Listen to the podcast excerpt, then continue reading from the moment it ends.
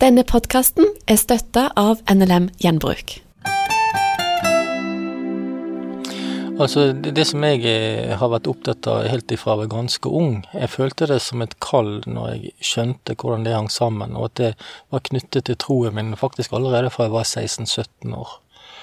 Og kanskje er det bakgrunnen fra foreldrene mine som tok oss mye med ut i naturen, og en bestefar som var fisker, og, eh, der jeg skjønte at det var en kobling eh, mellom eh, troen og den måten vi tar vare på jorden på. Jeg er jo den første generasjonen som har levd opp med kunnskapen om at vi holder på å ødelegge jorden gjennom klimaødeleggelser, gjennom at vi eh, tar bort for mange arter, over, eh, overforbruker naturens ressurser. Uh, så det har jeg vært opptatt av hele livet mitt. Å prøve å få ut det budskapet at dette er en kristen plikt å ta vare på Guds skaperverk. Uh, det er en kristen plikt å leve sånn at ikke vi overforbruker. Uh, hente frem de gamle pietistiske idealene som jeg møtte hos de gamle kristne da jeg var ung. Mm. Det har vært viktig for meg, og det er kanskje det viktigste budskapet jeg har, som liksom har vært en drivkraft for meg, for jeg syns for få snakker om det. Hvis de fortsetter å leve sånn som nå, så ser vi tendensen allerede. Vi ser at folk begynner å flykte. områder blir ufruktbare. Det blir for varmt på jorden pga. utslipp av CO2, sånn at områder som tidligere har vært dyrkbar mark, ikke blir dyrkbar mark. Jeg jo, har jo en fot i Afrika gjennom Norske Misjonsselskap. Mm. Og har sett hvordan dette skjer allerede i dag. Altså landsbyene forflyttes fra de varmeste områdene lenger ut mot kysten. Eh, fører til konflikter, fører til at noen rømmer til Europa. Eh, du får migrasjoner. Eh, vår tid er den største migrasjonstiden. Aldri har så mange mennesker flyttet som de gjør nå, faktisk. Globalt sett. Og, og, disse migrasjonene fører jo til konflikter. Og dermed så får du et, en situasjon hvor folk begynner å beskytte seg sjøl, nasjonalisme vokser frem, kampen om ressursene blir større alt dette må vi prøve å motvirke. Det, det, det, den, den uh, utviklingen som vi ser i verden nå, den uh, er all grunn til å være bekymret over. Hva kan vi gjøre, den enkelte av oss? Nei, altså, jeg tenker jo Det er jo to sider. På ene siden så, så tror vi at Jesus skal komme igjen, og, og, at livet vil seire til slutt. Så det er ingen grunn til å synke ned i en sånn deprimert apatisk tilstand. Mm. Vi tror at livet skal seire. Eh, og det er viktig, for mange ungdommer tror ikke det og blir apatisk.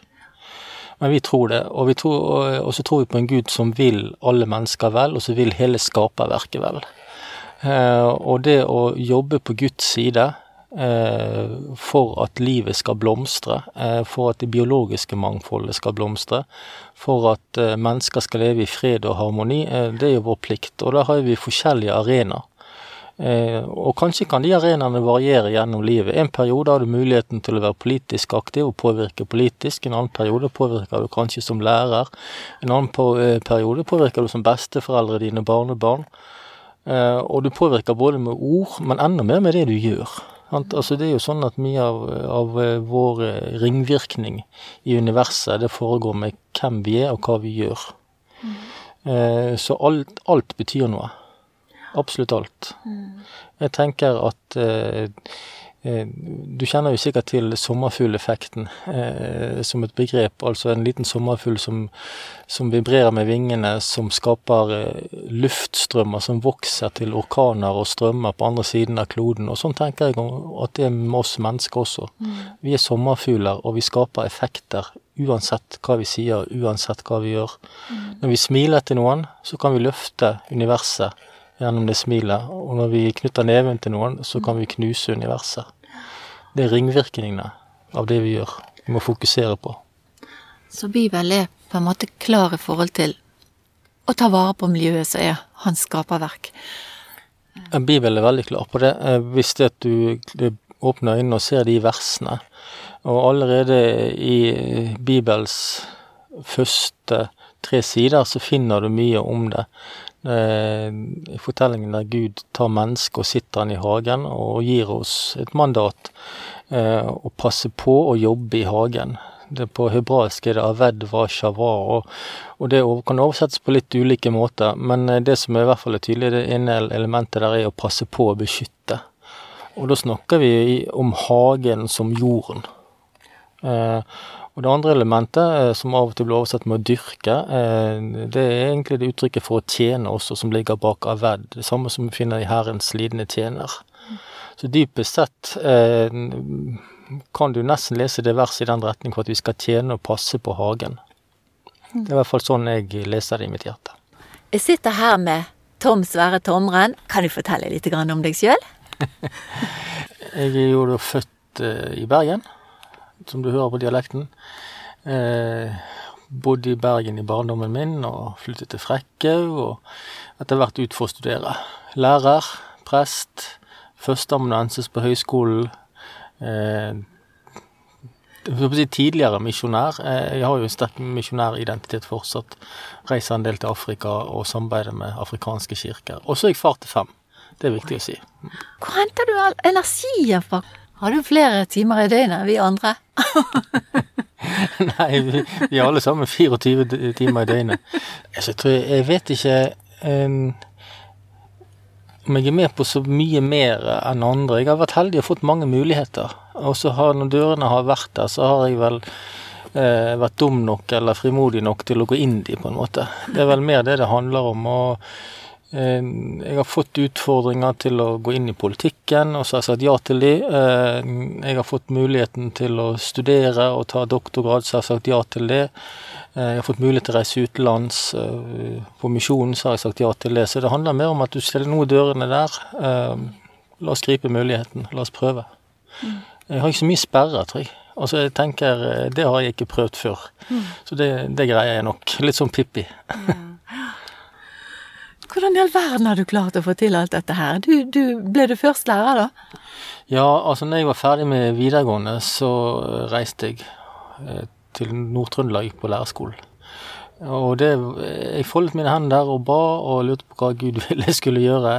Den tiden var jeg veldig opptatt av det, som mange kristne ungdommer. Eh, og den første søknaden jeg fikk svar på, det var fra en lærerskole i Nord-Trøndelag. Så jeg tolket det som et gudstegn på at jeg skulle reise opp dit og begynne å studere.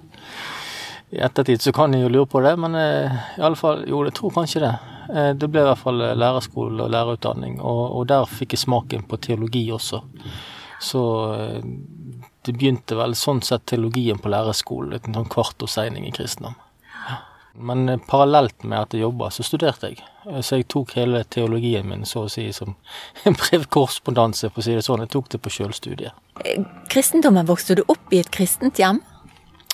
Altså, eh, Det å bruke de ordene er jo litt vanskelig. Eh, for det at eh, de aller fleste av oss er jo vokst opp i hjem som hører til i Den norske kirke, eh, og det har jo jeg, jeg gjort. Altså, Vi en type, var en type sånn folkekirkefamilie. Eh, hjemme hos meg så gikk vi ikke i kirken. Eh, ikke på julaften, ikke i påska. Det var ikke vår tradisjon. Vi gikk på fjellet på søndagene. Men vi er veldig tydelige på at vi hørte til i kirken. Uh, og vi visste at vi hadde en bestemor som bladde i Bibelen og gikk på misjonsforeninger. Uh, men sånn i hverdagslivet vårt så var ikke det noe som preget familielivet vårt. Og, og vi hadde nok ikke et religiøst språk. Vi snakket ikke om Gud eller Jesus. Det var liksom vekke fra horisonten. Ja. Så det som jeg fikk på mange måter av opplæring av kristendom, det må jeg vel si at jeg fikk gjennom skolen. Og så var det jo noen barneforeninger som mista kode innom, og noen eh, søndagsskoler som jeg prøvde meg på uten stor suksess. Eh, men vi lever jo i en kristen kulturkontekst. Mm. Men det var likevel nok til at du ble såpass interessert at du studerte til prest når du da, som du fortalte på lærerskolen, lærerhøgskolen, eh, at du, du ble grepet mer der da, kanskje, heller? Ja, eh, imellom her så har jo det skjedd noe. sant? Eh, når jeg eh, var, gikk i 9. klasse og var konfirmant, så fikk vi et Nytestamentet.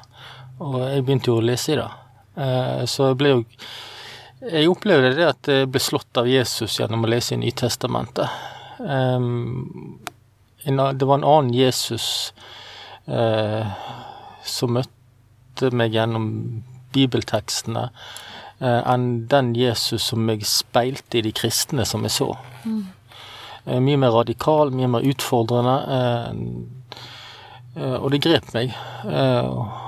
Og min gamle konfirmantprest han husker han sa han var konfirmert at du får nå be da, når du kneler her fremme med konfirmant, alle konfirmantene. Hvis du finnes Gud, så la meg få troen. Og det gjorde jeg, og mm. jammen fikk jeg troen. Og troen har holdt gjennom helt fra du var ung? Ja, altså det, troen går jo selvfølgelig opp og ned og i bølgedaler. Innimellom så tenker jeg ikke så mye på Jesus. Eh, innimellom ber jeg ikke så mye, eh, men jeg føler at det er troen som bærer meg. Altså Det er ikke, jeg, det er ikke snakk om at troen uh, som om jeg greier å holde med kristne eller noe sånt. Det er mer en, en plattform som, som, bærer meg gjennom livet. Eh, og, og, når det går på trynet, og når jeg gjør dumme ting, eh, eh, så finner Jesus meg igjen, på et vis. Mm. Så det er noe som, som, er der, og som bærer meg. Er det noen spesielle bibelvers eller bibelkapitler i Bibelen som betyr veldig mye for deg? Altså, Jeg vet ikke hvorfor, men det, det verset som har vært trosbærende for meg helt fra jeg var ganske ung, da, eh, det er jo Efeserne 2,8-10. Av nåde er dere frelst ved tro, de hviler ikke på gjerninger, for at ingen skal rose seg. Det er Guds verk eh, og skapt til å gå i ferdelagte gjerninger. Sånn. Siste verset grovt sett resumert. Mm. Hvordan er det å være prest? Ja, hvordan er det å være prest? Det, det er jo et privilegium, først og fremst. Eh, det å, å, få lov til å stå og ligge ut den teksten som, eh, som eh, Kirken er bygd på. Eh, det å få fortelle om det som universet eh, Universets kjærlighet viser seg i gjennom altså Jesus.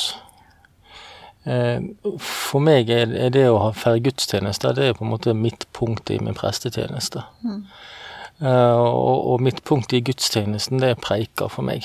Jeg er nok en, en klassisk lutheraner i så måte. Mange vil si nattverden, men for meg er det nok preiker. Eh, og ligge ut eh, evangelieteksten eh, og av og til brevtekstene. Prøve å gjøre de levende. Prøve å oversette det. For av og til må det oversettes, for det er jo lenge siden disse tingene skjedde. Og folk klarer ikke å forstå fortellingene uten at de får en ramme på det. Mm. Hvem er den personen? Hva er en samaritaner? Hva er en skriftlærd? Hvorfor sier Jesus det til den? Altså det, det er et stykke oversettelsesarbeid. Så det er på en måte eh, trinn én for meg alltid i preika. Å la folk eh, forstå hva som står i denne teksten. Mm. Eh, og gjerne la de forstå litt mer enn en det de eh, visste når de kom inn i kirken.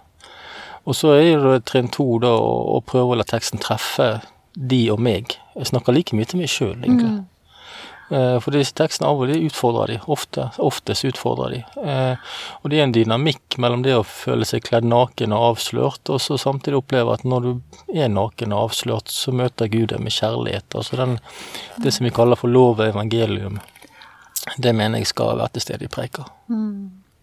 Du må jo være glad i mennesker òg når du eh, hele tiden er sammen med mange. Du preiker, du begravelser, vielser, alt mulig. og lærer òg og alt, altså. Så du, det må jo være et mangfold av mennesker du treffer, så du får møte med både din kjærlighet og Guds kjærlighet.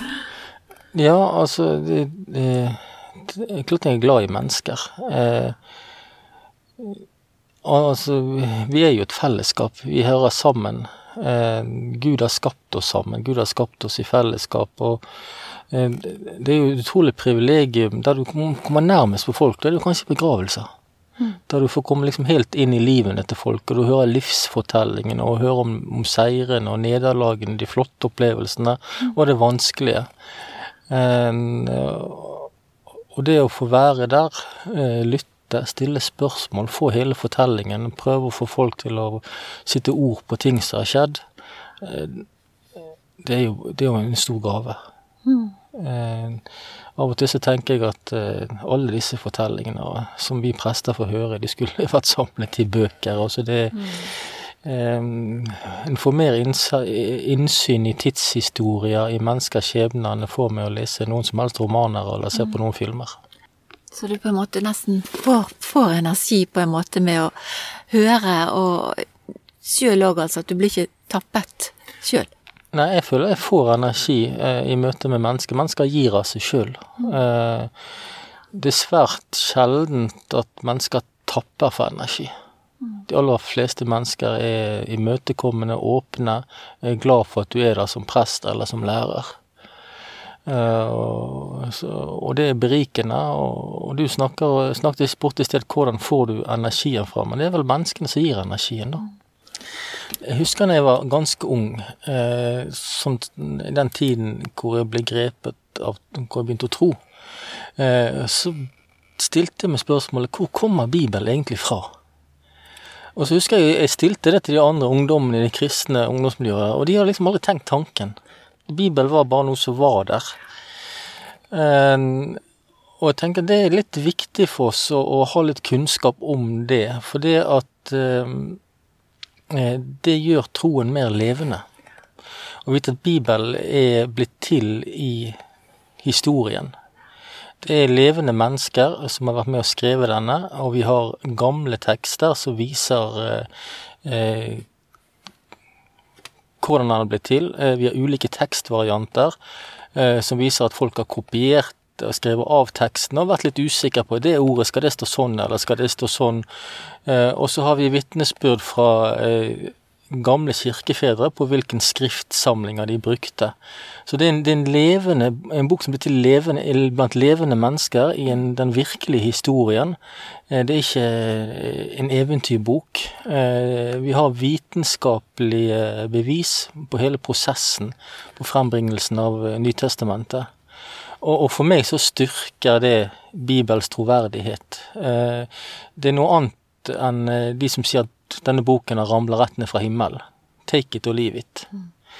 Uh, og det finner jo vi f.eks. Uh, eh, i islam har du elementer av det, uh, og i f.eks. mormons bok har du elementer av det.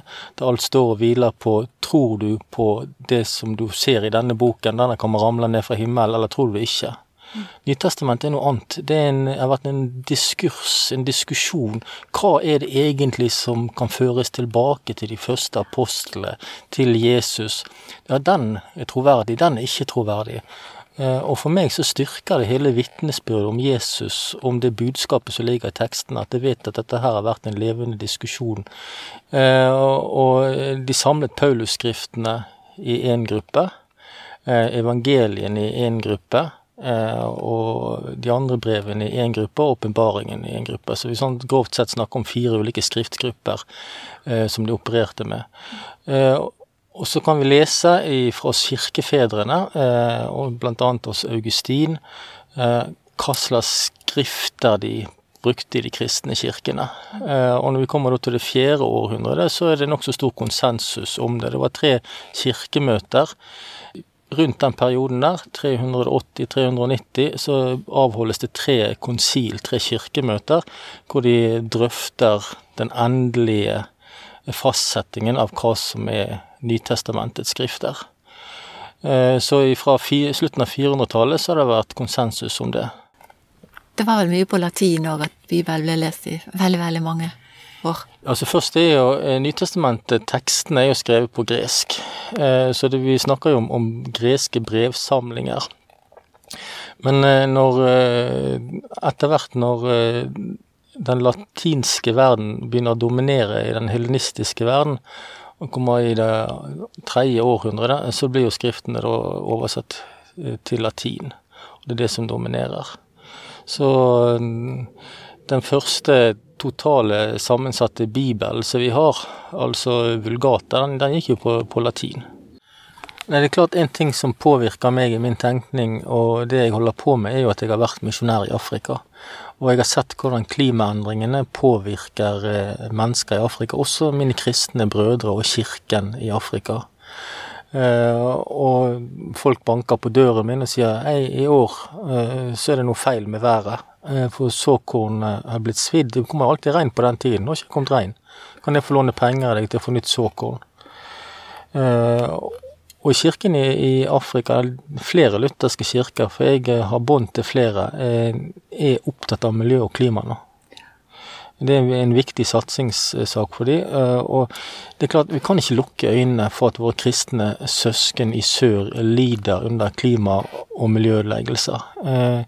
Vi, vi må hjelpe dem, og hjelpe disse røstene sånn at de blir hørt i Norge og hørt i Europa. Det tenker jeg er viktig for misjonsorganisasjonene.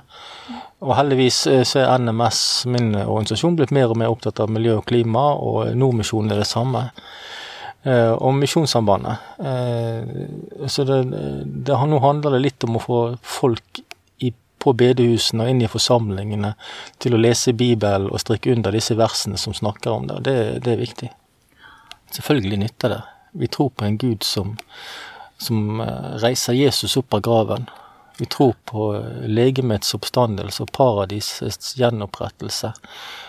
Livet vil seire til slutt. Er du på jakt etter noe andre butikker ikke har? Stikk innom NLM Gjenbruk. En tur i en av våre gjenbruksbutikker er en spennende skattejakt. Her kan du finne massevis av godbiter, kvalitetsklær og flotte ting til innredningen. Og det til en hyggelig pris. Gjennom å handle på NLM Gjenbruk er du også miljøvennlig, og du bidrar til at andre får det bedre. Finn din nærmeste butikk på nlmgjenbruk.no. Velkommen til oss. Du har hørt en podkast fra Petro. Du finner masse mer i vårt podkastarkiv på petro.no.